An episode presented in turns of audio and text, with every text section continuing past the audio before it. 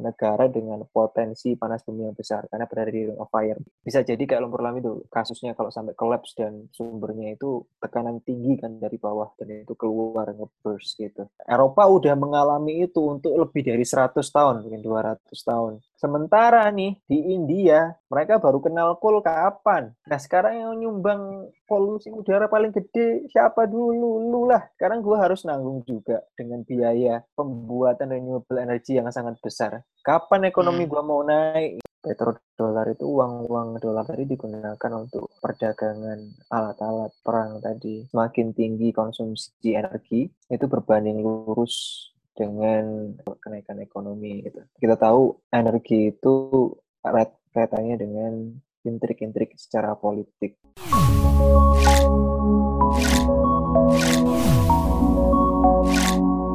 Assalamualaikum warahmatullahi wabarakatuh.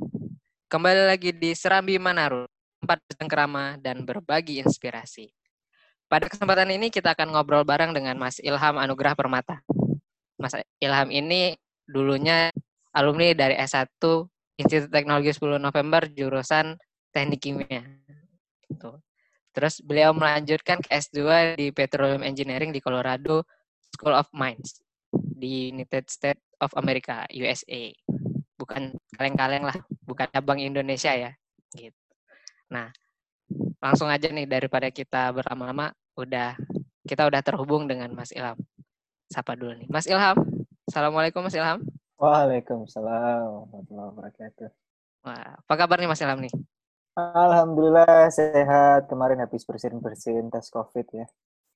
Waduh, bersin-bersin. COVID bukan nih? iya, jadi karena tes COVID itu kan yang sampai ke atas itu kan. Jadi hmm. itu sampai bersin-bersin memang. Dan waktu oh. itu tesnya sambil sama temen kan. Satu rumah. Iya, iya. Dia ngelihat aku sampai bersin itu langsung parno. Uh, mas jangan deket-deket gitu. Sosok banget lu. Iya iya iya. Tapi positif mas atau negatif? Not detected bro. Not positive not negative but not detected. Waduh. Kok bisa gitu ya? Masih abu-abu gitu iya. tapi bawahnya ada keterangannya negatif. Hmm. semoga aja nanti kalau pas uh, balik ke Indonesia bisa diterima lah hasilnya Hmm, iya iya. Memang ada rencana balik ke Indonesia nih, Mas? Dalam waktu dekat? Uh, dalam waktu dekat uh, balik ke Indonesia karena studi udah selesai, terus uh, lagi magang istilahnya di sini kalau hmm. setelah uh, studi terus kita lanjut kerja itu ada program namanya optional practical training. Hmm. Jadi kita statusnya masih mahasiswa tapi diperbolehkan kerja asalkan sesuai dengan bidang yang uh, kita pelajari. Jadi hmm. udah alhamdulillah setahun uh, kerja di sini, insya Allah nanti balik ke Indonesia uh, beberapa hari lagi. Iya iya iya. iya. Terus ini berarti kesibukannya lagi persiapan ya, persiapan pulang berarti ya? Iya, lagi packing packing, lagi uh, tadi kayak nyiapin dokumen buat balik ke Indonesia, tes COVID. Um, terus juga ada travel dokumen dari KJRI juga nyiapin yang gitu-gitu sambil ini kan ada uh, apa namanya mobil kita juga lagi mau proses jual mobil juga ini. Waduh, di US pakai mobil sejahtera nih kayaknya. Sejahtera ya mobil yang biasa-biasa aja yang enggak apa namanya kalau di Indonesia mah tahun-tahun 2000 yang kijang 94 gitu enggak juga sih. Mm. Ya sekedar bisa buat bolak-balik lah. Oke. Okay. Eh, tadi internshipnya di mana, Mas? Uh, ada namanya perusahaan uh, geochemistry. Dia bergerak di service uh, testing untuk sampel-sampel batuan. Uh, hmm? yang khususnya di bidang unconventional oil and gas ya, unconventional resources. Uh, kalau familiar dengan harga minyak yang turun tahun berapa itu 2014 ya dari hmm? 120 dolar per barel. Jadi kurang lebih kalau saya 20 atau 40 ya waktu itu. Dolar per barel. Jadi itu karena disrupsi dari industri itu unconventional resources di Amerika terutama sehingga produksi minyak dunia itu oversupply ya kan sehingga mm -hmm. supply and demand lah ya kalau banyak supply demand tetap kan harga turun. Gitu. Iya. Nah, Mas itu di bagian mana ya kan internship di HRD kah atau jadi yang buat-buat kopi mungkin atau di Amerika mungkin ada perpeloncoan yeah, seperti itu. Yeah, perpeloncoannya kita bersih-bersih kamar mandi. ya. Enggak, ini um, karena background saya juga kan chemical engineering ya. Hmm. Kita di teknik kimia juga kan ada uh, laboratori tanggal lab dulu kan. Uh, jadi memang cocok untuk apa istilahnya uh, multidisiplin lah uh, di lab geochemistry itu. Jadi labnya memang punya alat-alat untuk uh, analisa kimia uh, kayak mineralogi, mineral gitu, terus kemudian elemen. Ada juga untuk DNA, ada juga untuk uh, related directly to oil and gas gitu namanya pyrolysis. Um, jadi itu tadi benar-benar ngelap meja ngetuk batu ya kan, hmm. nyiapin sampel um, ya kan itu harus dibersihin kan setiap kali sampelnya ganti jadi benar-benar ngelap meja gitu kan oh, iya, iya. ternyata bukan yang cleaning service aja ya. jadi memang related tesis juga ada gitu jadi ada dari hasil lab itu kita interpretasi lebih dalam atau kita korelasikan dengan data-data dari bidang lain gimana untuk menjadikan nilai tambah um, mm -hmm. intinya uh, begitu ya kurang lebih. Iya iya. Kalau anda baca-baca nih mas dari CV-nya Mas Ilham nih yang sudah beredar di dunia maya katanya itu kan Mas Ilham nih tesisnya kalau saya tentang geothermal gitu nggak mas? Hmm ya betul betul. Hmm, mungkin bisa sedikit dijelasin mas apa sih geothermal itu sih penasaran ya nih mas? Iya geothermal itu intinya kan geo kan bumi, thermal kan panas ya. Jadi energi yang berasal dari panas yang ada di dalam bumi gitu kan. Seperti kita tahu kan di dalam bumi ini kita makin ke dalam itu makin panas, ada inti bumi ya. Um, dan inti bumi itu keluar magmanya merekah di apa namanya lempeng yang paling atas lempeng tektonik sehingga muncul kayak misalkan gunung berapi atau ada uh, patahan-patahan. Hmm. Um, jadi intinya panas bumi itu ya uh, sumber energi dari panas yang ada di dalam bumi, tapi nggak sampai ke inti buminya yang pasti. Hmm. Ada namanya um, thermal gradient ya. Jadi gradient semakin kita ke dalam itu berapa uh, perubahan suhu secara umum yang yang terjadi. Nah, ada di wilayah-wilayah tertentu itu yang perubahan suhunya itu drastis gitu ya.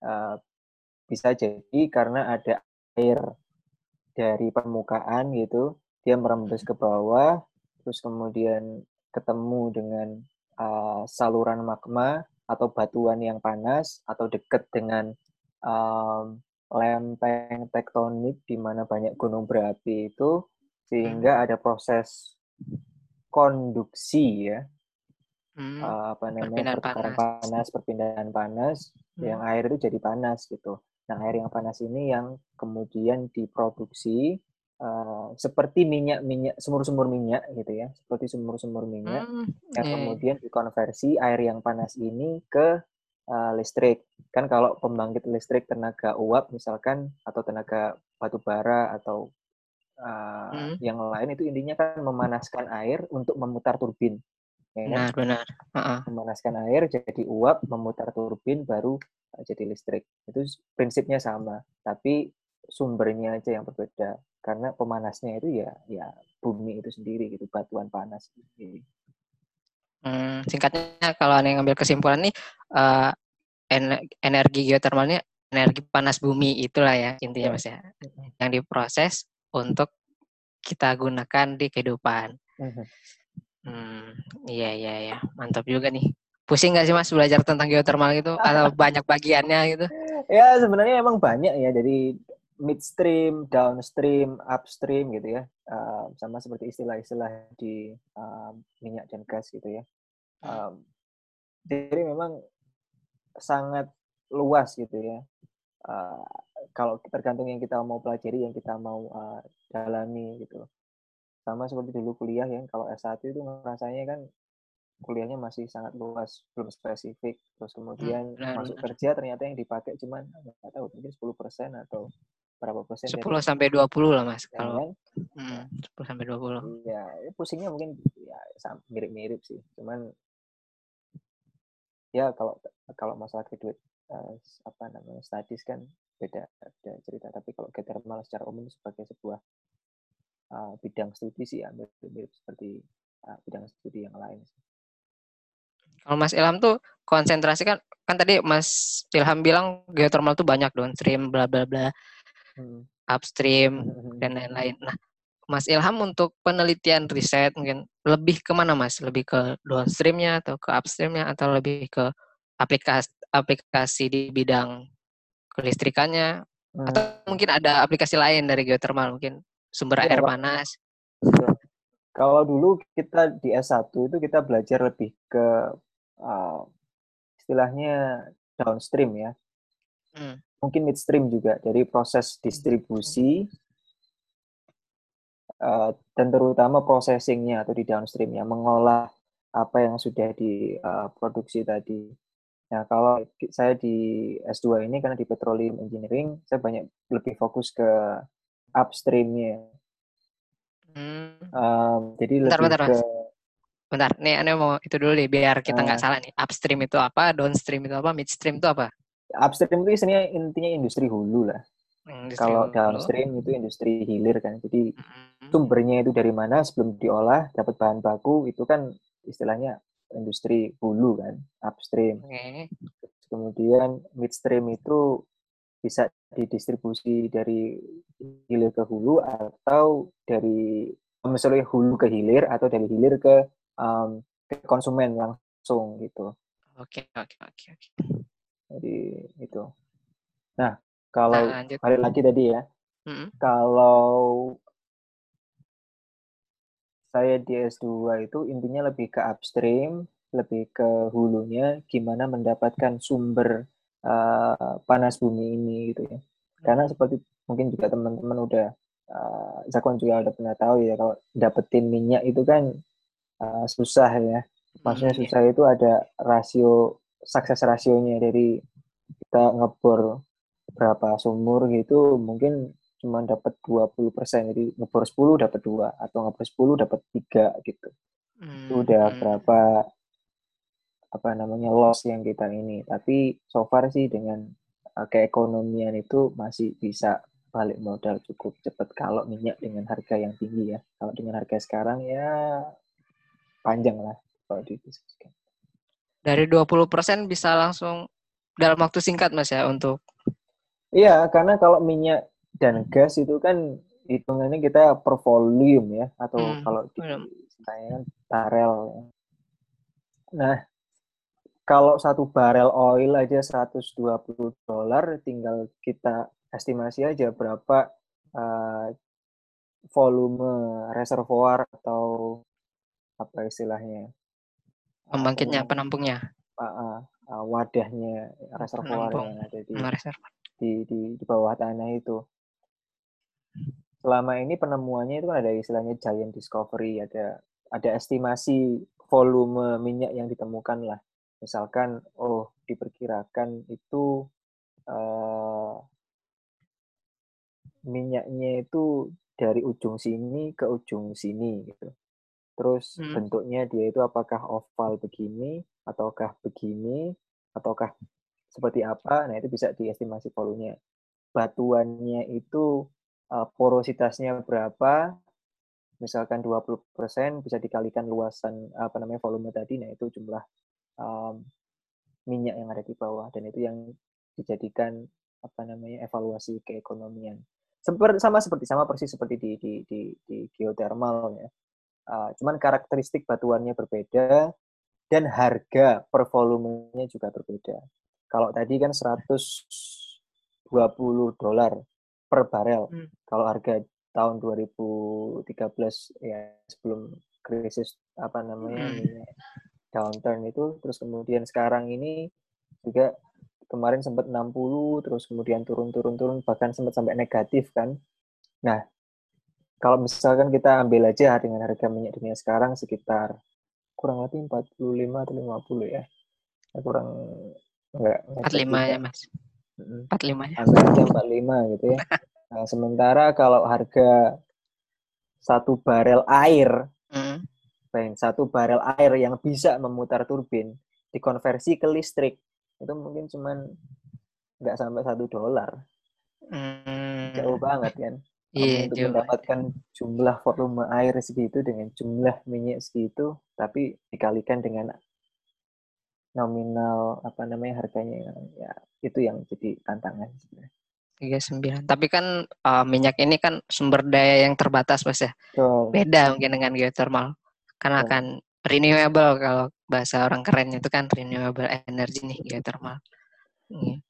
Lah tapi kan sebenarnya seksi nih Mas renewable energy, terutama kalau kita bicara tentang geothermal sebenarnya seksi. Apalagi di Indonesia, beberapa fakta menyebutkan kalau Indonesia tuh 40 persennya 40 persen dari panas bumi itu ada di Indonesia hmm, gitu. Panas bumi dunia. Nah, panas bumi dari 40 persennya ada di Indonesia. Nah, eh, gimana sih pro dan kontra dari pengaplikasian dari eh, geothermal ini sendiri? Entah itu di Indonesia atau mungkin di belahan bumi sana, mas, di belahan hmm, bumi sana hmm. Amerika mungkin ya. Iya. Apa mas mungkin pro kontranya? Jadi uh, sama seperti apa namanya? Jadi nggak intinya begini ya. Um, karena aku jadi menjelaskan sebenarnya ada gradien panas semakin kita uh, ke dalam itu dalam ada perubahan suhu. Misalkan 3 derajat Celcius per 100 atau 1000 feet. Kilometer. Ya, normalnya itu kalau nggak salah Oh, pakai feet. Apa gitu ya. Intinya per 100 feet itu 3 derajat atau 3 derajat Fahrenheit atau 3 derajat Celcius. Aku agak lupa itu ada ada ada angkanya secara normal. Nah, di beberapa lokasi itu ada yang gradiennya uh, jauh lebih tinggi dari itu. Dan itu karena memang aktivitas uh, gunung, gunung berapi. Dan hmm. Indonesia itu berada di Ring of Fire Alhamdulillah kita berada di Ring of Fire secara ini ya, secara geothermal ya kita ngomong alhamdulillah bukan karena banyak bencana gunung berapi dan sebagainya, hmm. tapi dengan adanya itu Indonesia jadi uh, negara dengan potensi panas bumi yang besar karena berada di Ring of Fire banyak gunung berapi, gradien uh, tanahnya itu semakin ke bawah lebih tinggi jauh lebih tinggi daripada negara-negara yang lain yang tidak punya gunung berapi. Uh, beberapa negara yang ada di Ring of Fire juga itu seperti Hawaii, terus bukan negara ya Hawaii itu bagian dari Amerika. Kemudian um, di Afrika, kalau nggak salah ada di uh, Kenya bagian Afrika bagian timur lah, ya Afrika bagian timur. Terus kemudian kalau Amerika itu Amerika bagian barat daerah California. Kalau pernah dengar San Andreas Fault, Oh, ya, pernah di film sih. Ya, San Andreas. San Andreas Fault, ya kan? San Andreasnya, tapi ada San Andreas Fault. Jadi itu ada hmm. patahan hmm. yang sangat besar. Uh, bahkan kalau orang-orang bilang, oh ini kalau ada kiamat nih kayaknya Hollywood yang kena duluan nih. karena di situ ada Bukan karena banyak yang... vaksin mas ya. dan dan ya, ya bisa jadi bisa gitu. juga ya. dari sisi apa namanya bumi itu pergeseran lempeng bumi itu juga daerah situ itu yang uh, sangat cukup sering ini ya apa namanya gempa bumi karena patahan uh, lempeng tadi. Dan dan dan di situ juga maksudnya paling rawan gitu loh cukup rawan gitu loh di situ itu.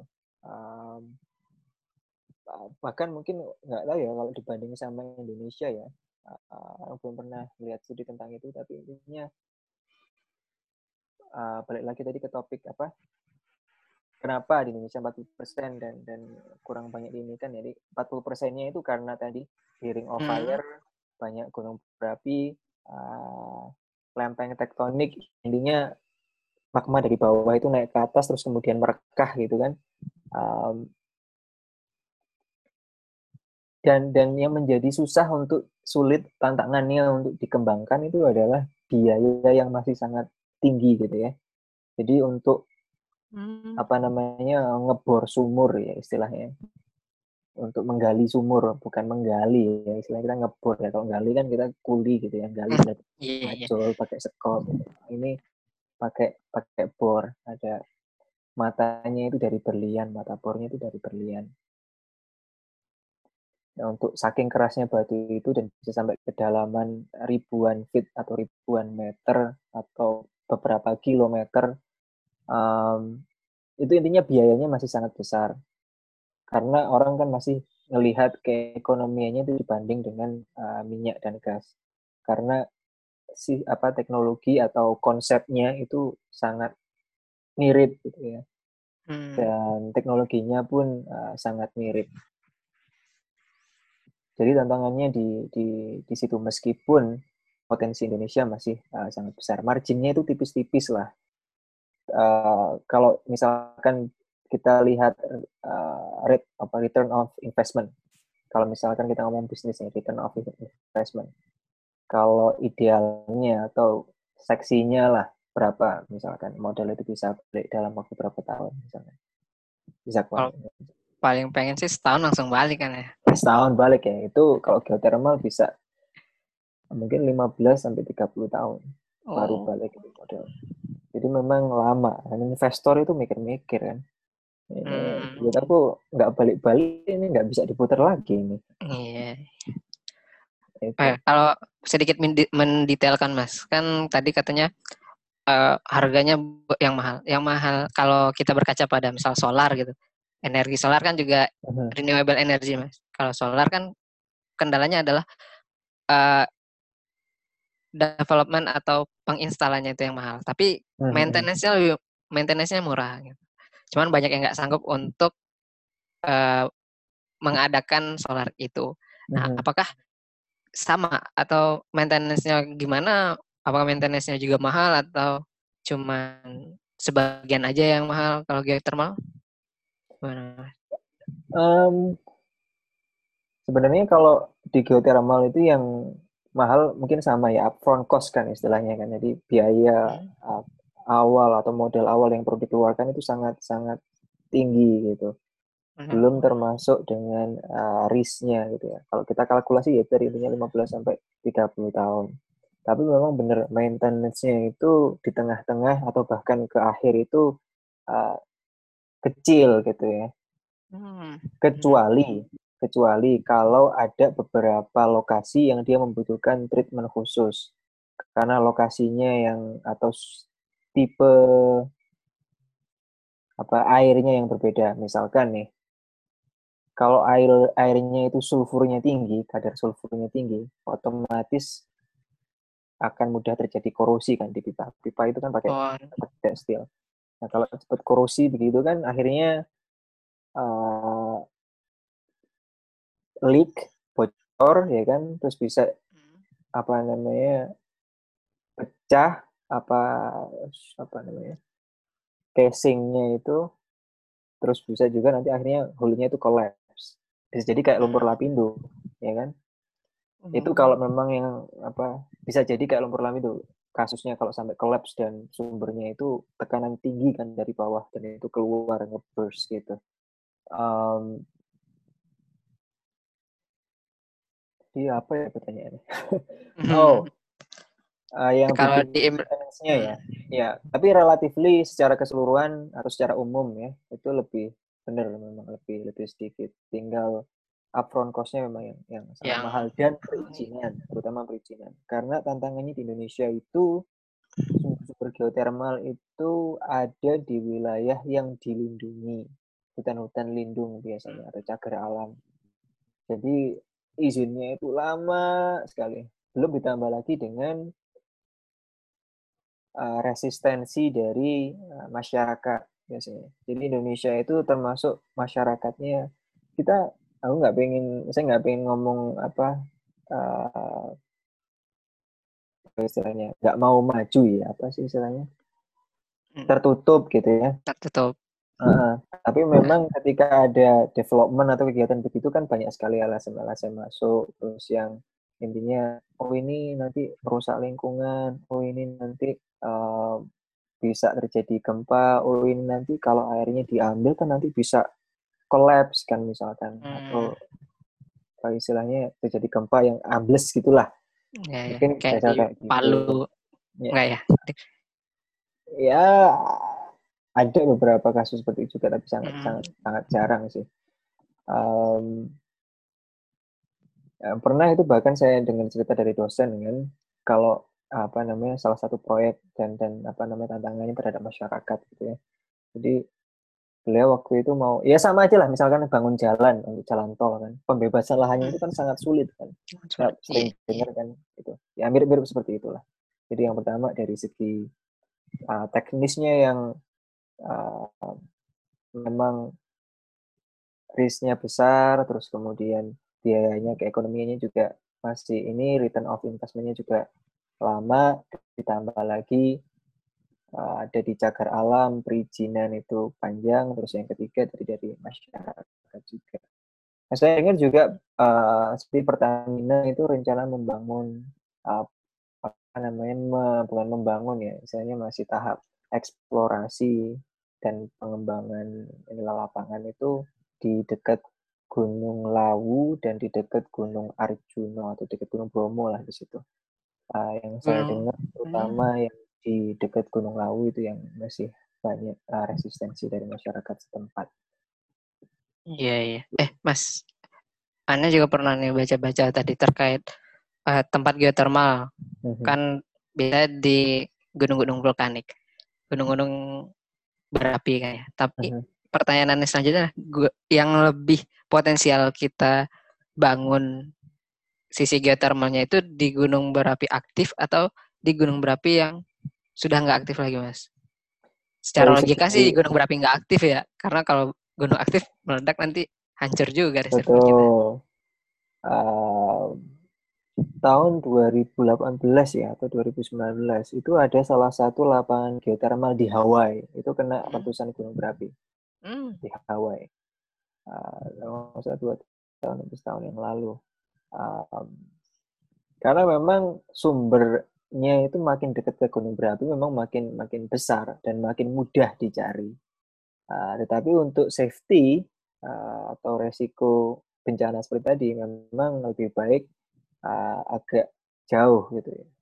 Dari atau mencari lokasi atau kita utamakan untuk mengembangkan lapangan-lapangan yang uh, cukup jauh dari gunung berapi atau yang gunung berapi tidak aktif gitu. Seperti kalau yang di Bromo masih aktif ya jadi itu agak-agak sulit. Tapi kalau yang di Lawu Jawa Tengah kan enggak ya udah enggak aktif. Yang paling dekat ya Merapi itu kan ya.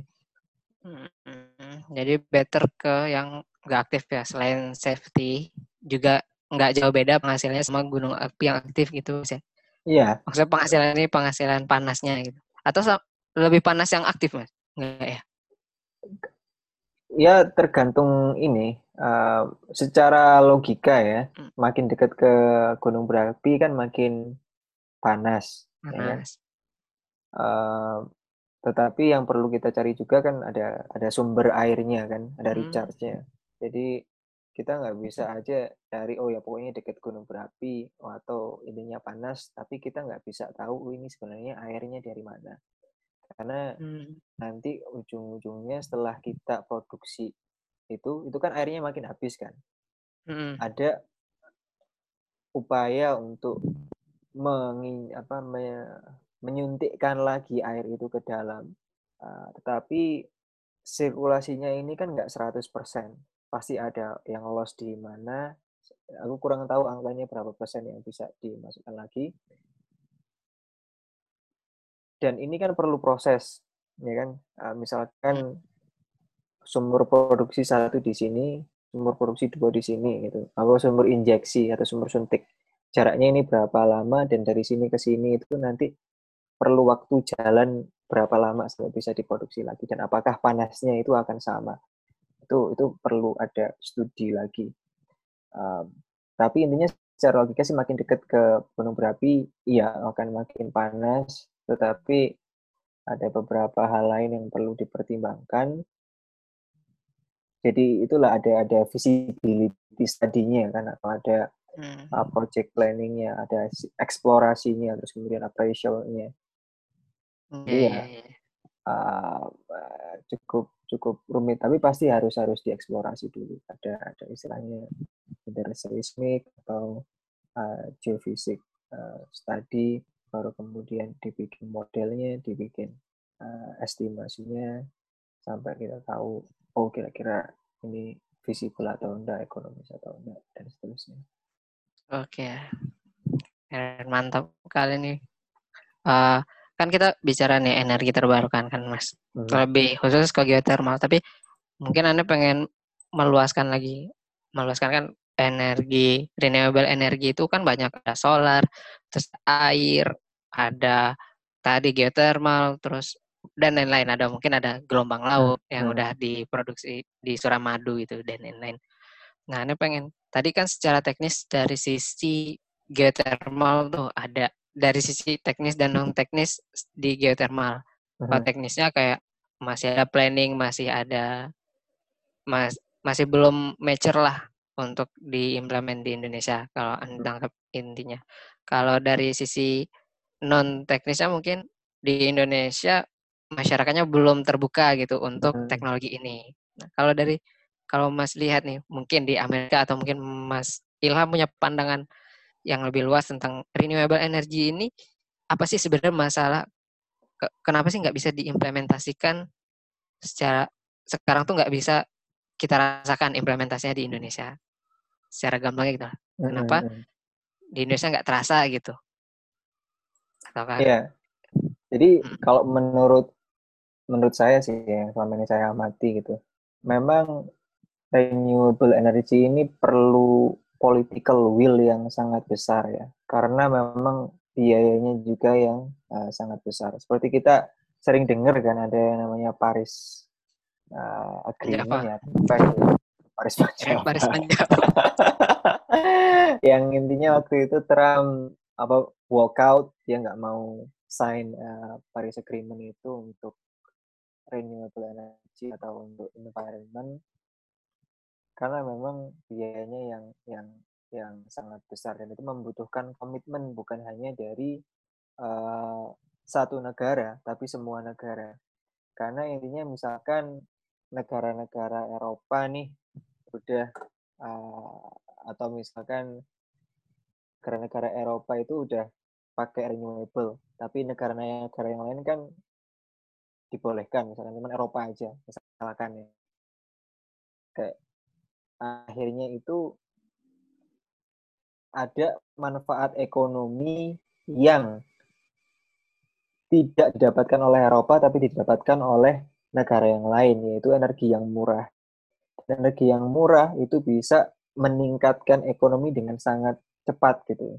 Jadi ada korelasi yang sangat kalau uh, saya pernah itu jadi ada GDP growth dan uh, energy consumption itu linear uh, positif gitu ya. Jadi semakin tinggi konsumsi listrik maka peningkatan GDP atau uh, gross domestic bruto GDP atau gross domestic product itu uh, dua-duanya gitu ya itu pasti akan naik gitu. Hmm. Jadi terutama kalau energy consumption ya kan intinya energy consumption dari mana pun itu bisa dari renewable atau non, non uh, renewable. Jadi intinya semua itu perlu perlu political will yang yang yang yang sama. Makanya uh, ketika Amerika kemudian keluar uh, maka progres untuk renewable energy itu akan uh, pasti terhambat gitu untuk dan dari Amerika sendiri uh, growth uh, kayak geothermal, solar dan renewable energy yang lain itu turun bahkan uh, dulu di di zamannya Obama itu yang namanya solar panel itu mendapatkan subsidi gitu jadi yang mau pasang industri-industri yang bikin itu dapat insentif dari pemerintah. Uh, itu di eh, Indonesia, Mas? Enggak, itu di Amerika kan Trump, oh. zaman Obama. Oh iya, iya. Trump. Iya, iya, iya, iya. Nah, sama juga di Turki. Turki itu juga geothermal termasuk besar. Jadi hmm. Juga industri-industri yang uh, berbisnis di geothermal itu dia mendapatkan insentif dari government sehingga investor itu mau untuk naruh duit mereka di sana dan margin mereka itu naik lah istilahnya kan begitu kalau dapat bantuan dari subsidi dari pemerintah kan. Uh, jadi political will. Terus misalkan contohnya saya pernah nonton uh, apa ya dokumentari dokumentari gitu ya. Mm-hmm. Uh, waktu itu ada salah satu sama uh, mirip seperti Paris Agreement tentang renewable energy dan environment itu saya lupa namanya ya. Ini bukan namanya, tapi tahu kan maksudnya ya. Bukan hmm. nama yang secara umum dipakai, tapi intinya Paris Agreement itu yang sebelumnya ya, di acara yang sama tapi tahun sebelumnya atau dua tahun sebelumnya itu semua negara uh, tanda tangan gitu ya agree untuk menerapkan energi baru dan terbarukan. Cuman uh, permasalahannya begini.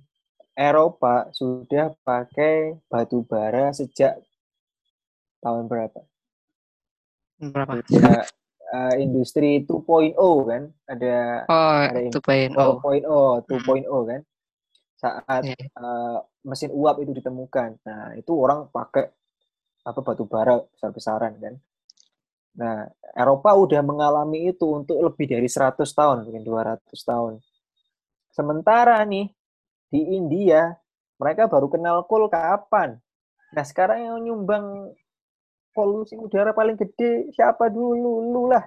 Sekarang gue harus nanggung juga dengan biaya apa namanya pembuatan renewable energy yang sangat besar. Kapan ekonomi hmm. gue mau naik gitu kan? Duit gue gue hmm. habisin buat bikin power plant ini yang generasinya sedikit, biayanya gede, gue bisa bikin yang sama, misalkan untuk menghasilkan energi lima kali lipat atau 10 kali lipat. Ini kata India gitu ya? Iya.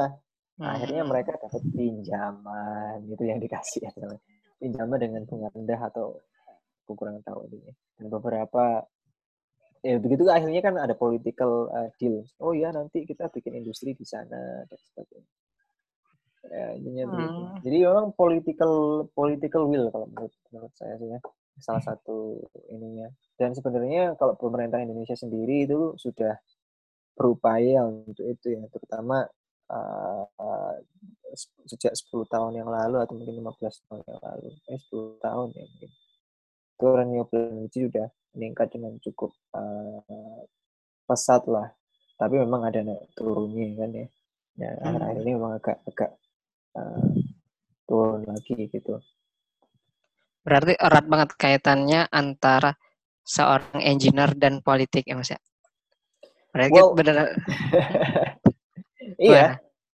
Engineer dan politik sebenarnya iya bisa. Maksudnya energi dan politik itu juga sangat erat gitu ya kaitannya. Karena um, kalau kita lihat sejarahnya itu kan kapan sih minyak ditemukan gitu? Atau untuk apa sih sebenarnya minyak ini gitu?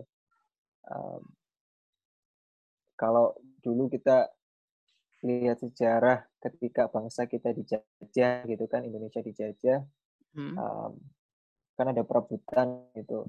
Awalnya kita dijajah Belanda terus Belanda itu ketika di sini dia nemukan beberapa sumber minyak kan di Sumatera. Terutama daerah Sumatera tuh kan ada hmm. ada Shell dulu.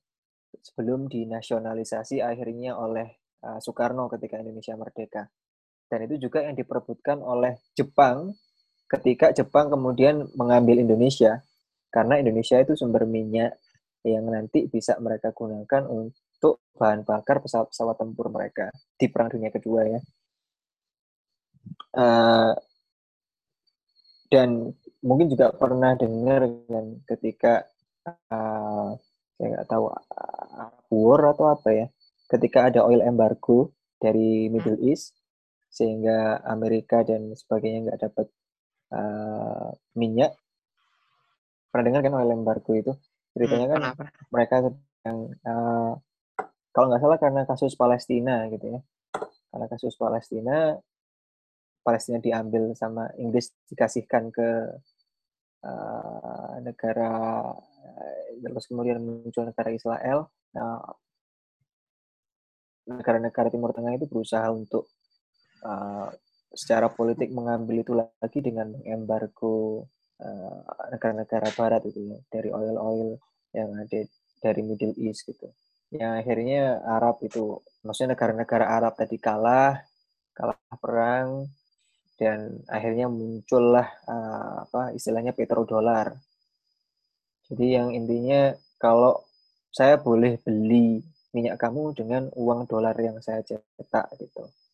Jadi nggak harus pakai uh, emas lagi atau mata uang yang lain. Dan dan dan negara-negara Arab itu mau. Atau kita dulu kan hmm. kemudian terbentuklah OPEC juga kan. Hmm. um, dan itu menjadi sebuah keuntungan bagi Amerika. Jadi istilahnya misalkan eh, saya kurang tahu ya bisa jadi bayarnya kan nggak harus kontan. Oh saya beli pakai dolar tapi dolarnya itu dalam bentuk misalkan transfer. Uh, nyicil enggak nyicil dan, dan APR atau, atau nah nah yang ini juga kan Amerika uh, punya industri yang paling gede di Amerika apa ya itu estate gitu real estate industri pertahanan Oh, pertahanan. Industri pertahanan. Jadi mereka caranya adalah, oh nanti kamu bisa beli pakai uang dolar juga alat-alat alusista dari Amerika. Hmm. Jadi mereka kan nggak harus ngasih duit secara langsung. Kasih aja kamu balance punya berapa. Kan angka kan akhirnya muncul. Hmm. Nanti kamu bisa pakai angka itu untuk beli pesawat yang ada di sini. Sekarang lihat aja perang di Middle East. Berhenti yeah. ada konflik dulu dengan uh, sampai akhir zaman kan Allah Allah ya. Allah, Allah. Uh, ini ya banyak sekali konflik di Middle East itu yang salah satu mungkin salah satu yang major sumber uh, persenjataannya alusistanya itu dari Amerika gitu ya. US dan dan dan petrodolar itu uang uang dolar tadi digunakan untuk uh, perdagangan uh, alat-alat uh, perang tadi. Dan sebenarnya kalau kita lihat sekarang itu seperti ini ya, kalau kita yang pasti pernah cari-cari informasi atau mendengarkan tentang kasus di Yaman kan antara Arab Saudi dengan Yaman. Pernah? Iya, pernah. Mungkin ini jarang-jarang dibahas di media. Man, Tapi Yaman, Oman. Mm. Yaman yang yang sebelah mm. selatan. Nah, itu isu yang beredar kan Arab Saudi itu memerangi Yaman karena Syiah, ya kan? Arab Saudi memerangi Yaman karena Syiah takut Syiah masuk ke Saudi dan seterusnya. Tetapi yang kurang tepat adalah akhirnya sisi kemanusiaan itu yang yang yang tidak dilakukan atau di, diupayakan dengan baik gitu ya. Yang mereka lakukan itu semuanya ditutup akses. Nggak ada makanan tahu sendiri kan ya namanya di Arab Saudi di di daerah Hijaz gitu ya di Jazirah Arab uh, mereka hidup dari trade gitu ya kalau semua hmm. akses itu ditutup nggak ada tumbuhan yang bisa tumbuh mungkin ya. Air obat-obatan dan sebagainya itu jadi sulit. Akhirnya uh, banyak busung lapar malnutrisi banyak orang meninggal di sana bencana karena bencana perang ini. Dan itu ya Arab Saudi jor-joran. Maksudnya mereka habis-habisan beli alat-alat senjata dari Amerika dan hmm. kalau bisa dicari itu salah satu konsumen terbesar akhir akhir ini ya uh, apa namanya persenjataan di Amerika hmm. itu alusista itu Arab Saudi. Hmm. Hmm. Tapi sih uh, isunya nggak sangat isu yang di Palestina mungkin di Palestina sama Israel tuh jadi makanan sehari-hari ya hmm. kalau isu perang ya kalau yang Arab Saudi sama Yaman nih memang saya kurang dapat perhatiannya saya hmm. malah lebih aneh malah lebih ke liatnya seingat aneh tuh Oman gitu hmm. yang ada setengah bagian Oman yang di di apa di di boykot gitu eh di boykot ya dibatasin lah pergerakannya. Uh-huh. Ternyata kalau tadi barusan searching juga sih uh-huh. sedikit. Ternyata awalnya tuh dari Yaman gitu. Yaman terus ke Oman juga kena berarti. Yeah. Yeah. Luas juga. Terus cerdas juga sih Mas. Itu petrodolar itu ya berarti? Ya sebenarnya mirip dengan strategi Cina sekarang kan yang sering kita hmm. dengarkan hmm. obor itu.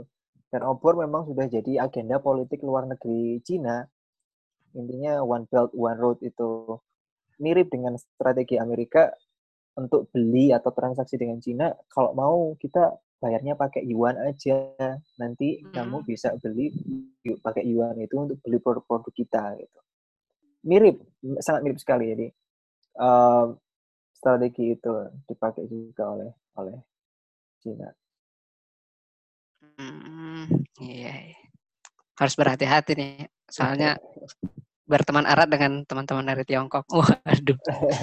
Makanya itu kan apa? Kalau dulu kita tahu Soekarno itu kan dia punya gerakan non blok kan dia nggak memihak hmm. mana dia nggak memihak uh, Barat maupun Timur dia nggak ikut serta dalam uh, upaya untuk perang mereka perang mereka gitu jadi uh, menurut saya sih memang memahami geopolitik itu juga uh, penting terutama juga di dunia energi ya karena hmm. volatilitas harga itu sangat dipengaruhi oleh kondisi geopolitik juga yang tiba-tiba uh, harga minyak dari tahun 2014 ya 120 dolar terus kemudian turun mulai naik lagi pelan-pelan tiba-tiba sekarang karena covid itu juga turun lagi. turun lagi dan turunnya itu sampai negatif itu karena politik.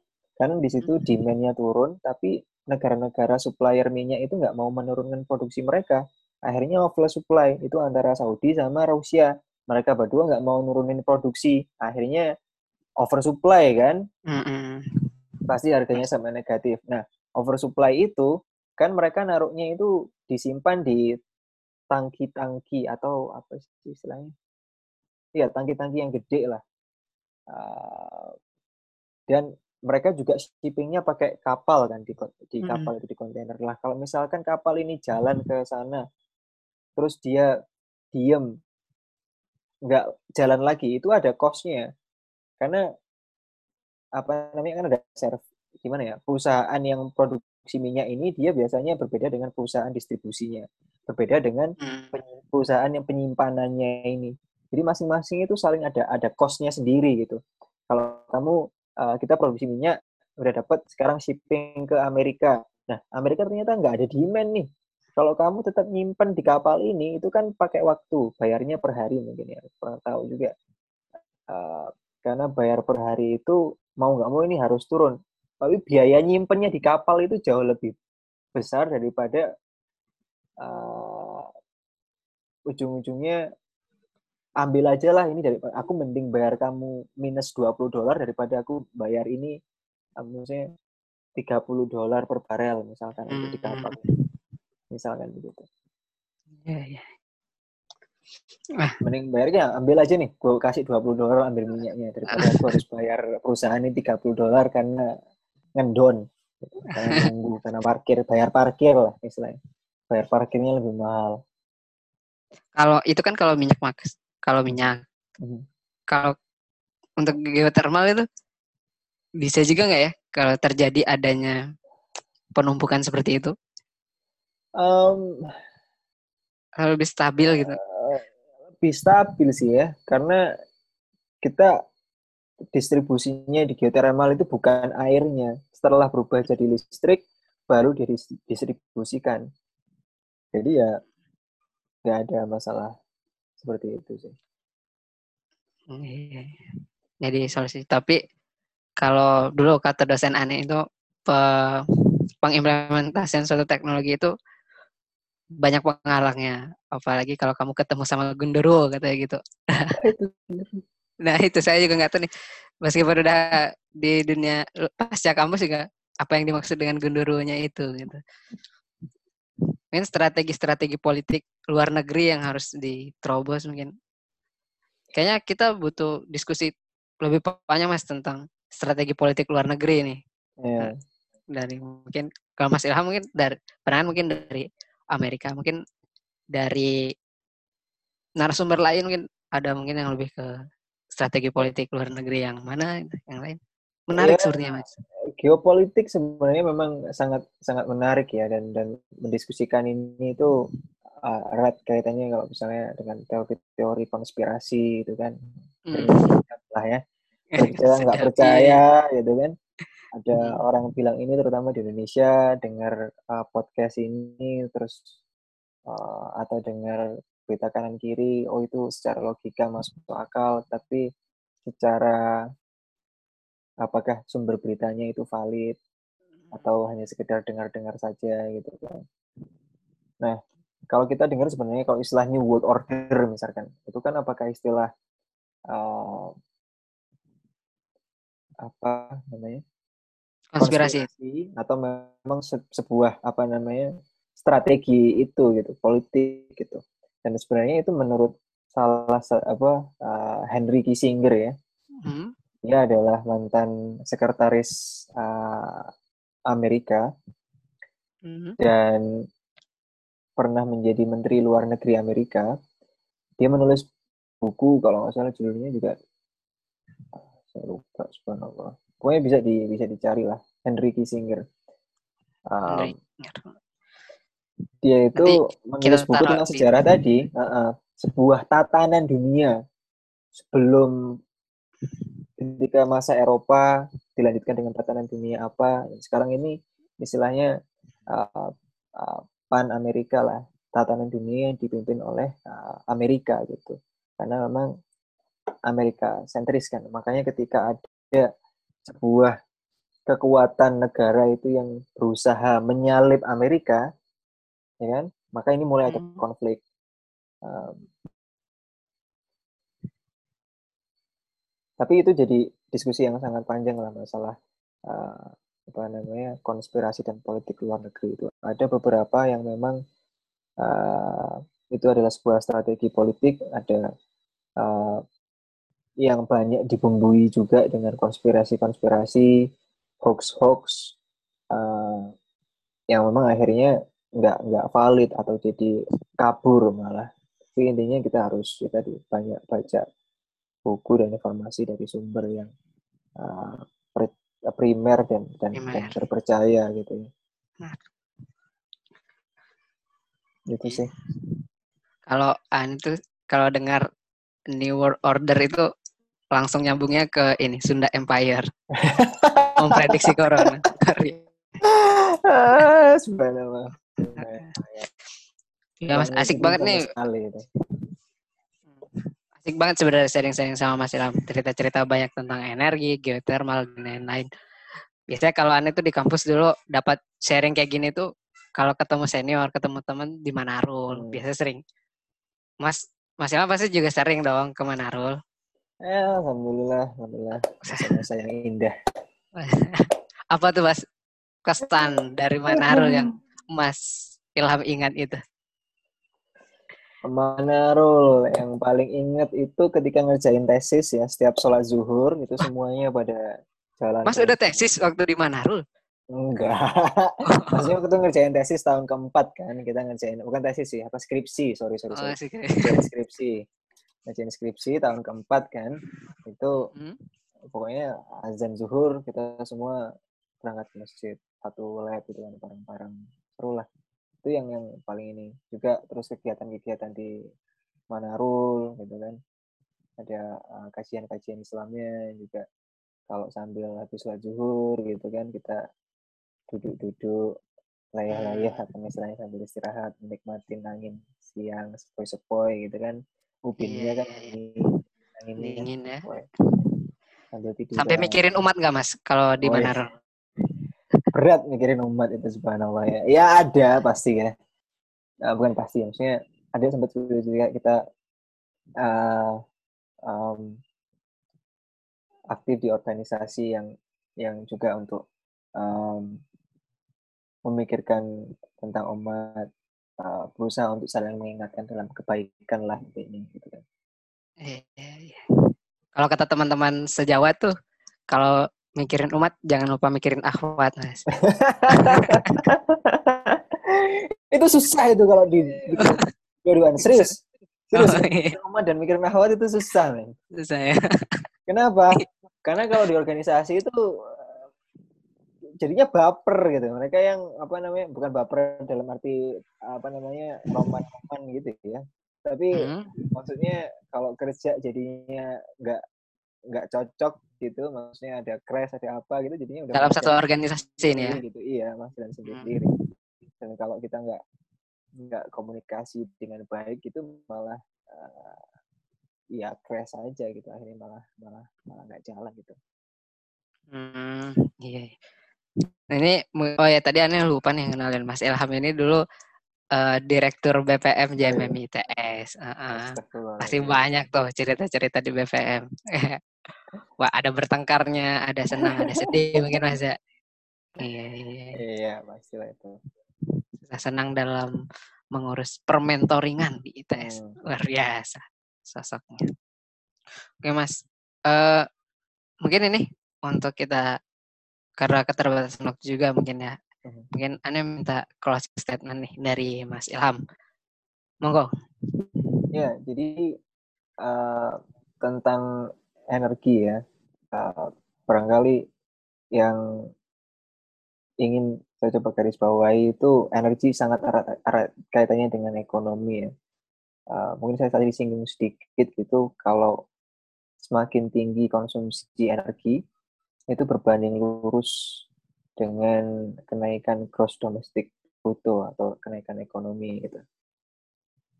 Um, sementara kita tahu energi itu ini juga kita bahas sedikit kaitannya dengan uh, intrik-intrik secara politik gitu ya. Iya. Yeah. Dan dan kalau kita ngomong konspirasi gitu, oh ini benar atau enggak? Oh seakan-akan dunia ini itu dikontrol oleh segelintir orang. Oh seakan-akan gimana ya kita itu enggak ada power mungkin ya. Jadi kalau saya menyikapi itu semua sih intinya tentang teori konspirasi itu mungkin ada gitu ya bukan ada ada memang orang segelintir orang yang berusaha untuk mengatur dunia itu tapi mereka itu tidak se solid yang kita bayangkan. Mereka itu tidak sesatu tujuan yang kita bayangkan. Di antara mereka itu juga ada konflik dan pasti ada konflik bahkan jauh lebih besar konfliknya daripada kita. Tetapi kita sebagai uh, seorang muslim gitu ya yang sebenarnya itu jauh lebih lebih amburadul gitu loh yang jauh lebih uh, persatuan kita atau persaudaraan kita yang yang jauh dari dari apa yang diperintahkan oleh Allah gitu ya untuk menjaga uh, ukhuwah Islami atau persaudaraan sesama muslim itu. Seperti tadi aku singgung juga saya singgung juga tentang antara Yaman sama Saudi. Uh, boleh gitu ya Syiah apa namanya ini. Tetapi kalau sampai dampak kemanusiaannya itu sangat besar masif. sangat besar gitu ya meninggal orang-orang yang tidak berdosa apakah Rasulullah mencontohkan seperti itu gitu kan bahkan hmm. anak-anak orang tua wanita hamil itu dilindungi gitu loh itu kenapa sampai akses makanan itu harus dihalangi obat-obatan dihalangi sehingga orang-orang yang nggak ada hubungannya atau nggak ikut berperang pun jadi korban gitu ya, dan dan dan dan, dan rusak gitu loh sifatnya jadi hmm. itu yang perlu kita introspeksi gitu. Um, dan dalam menyikapi kehidupan sehari-hari yang kita tidak uh, apa menyikapi konspirasi gitu intinya do what you can do gitu kan. Uh, do uh, maksudnya kita berupaya sesuai dengan posisi kita masing-masing gitu ya. Dan terus menerus apa namanya berusaha untuk memahami belajar uh, dan terus mengikuti tadi ya informasi bagaimana sih uh, kerja dunia ini kita belajar sejarah juga sehingga kita lebih paham kita lebih bisa menyikapi sehingga kita punya uh, motivasi niatan dan dorongan yang yang berbeda. Bukan hanya untuk mengejar misalkan uang kerja dapat uang udah laser terus kemudian travel uh, udah gitu keluarga ya udah gitu gitu aja hmm. tapi kita punya tujuan yang lain yang intinya kita uh, punya makna lah dalam hidup itu kan uh, yang mungkin kalau umur 25 seperti saya sekarang ini tuh quarter life crisis ya. Lagi rame ya, quarter life crisis. Lagi rame benar. Iya kan? Jadi anak-anak muda sekarang itu seakan-akan kehilangan tujuan hidup. Ya. Karena itu tadi, udah dapat kerja, udah settle, uh, bingung mau ngapain, nggak ada makna gitu rasa dalam hidup kita. Karena kita kehilangan narasi, kita kehilangan tujuan hidup, kita kehilangan yang namanya uh, apa sih yang kita mau lakukan di dunia ini. Ya, dengan tahu seperti itu itu kita jadi punya bayangan oh uh, kita posisinya sekarang di sini nih misalkan sebagai engineer atau saya baru lulus gitu apa yang bisa uh, kita lakukan sekecil apa pun apa pun yang bisa kita lakukan gitu ya sesuai dengan kemampuan kita dan insya Allah ketika niat kita benar ketika kita um, berusaha gitu ya kita akan dipertemukan dengan orang-orang yang memang punya niat dan dan apa tujuan yang sama dan sehingga kita bisa berjalan bersama gitu. Hmm, iya iya. Ini dapat poinnya kalau dari Mas tadi dari closing statementnya luar biasa banget. Intinya kalau energi itu erat kaitannya dengan ekonomi ya Mas. Ya. Terus hmm. juga jangan pernah berhenti belajar, do what you can do gitu. dengan porsimu masing-masing. Gitu. Hmm. Luar biasa. ya gitu Mas Ilham. Terima kasih banget nih Mas Ilham udah meluangkan waktunya ke Serabi Manarul Podcast. Sukses terus karirnya Mas. Amin. amin Katanya mau pulang amin. ke Indonesia, insya Allah. Kalau bisa, kalau udah selesai COVID, udah semuanya kita bisa ketemu lagi di Indonesia, sharing ya, lagi lebih hangat, insya Allah gitu. Jangan bosan Mas, ya. kalau diundang lagi nih. Aku ngomongin konspirasi, mungkin ngomongin Jangan bosan aja. Mungkin siap, siap, kalau siap. ketemu saya lagi gitu. On record lah itu nanti. Jadi ini nanti. siap, siap. Terima kasih banget. Oke. Okay. Sama-sama. Yuk.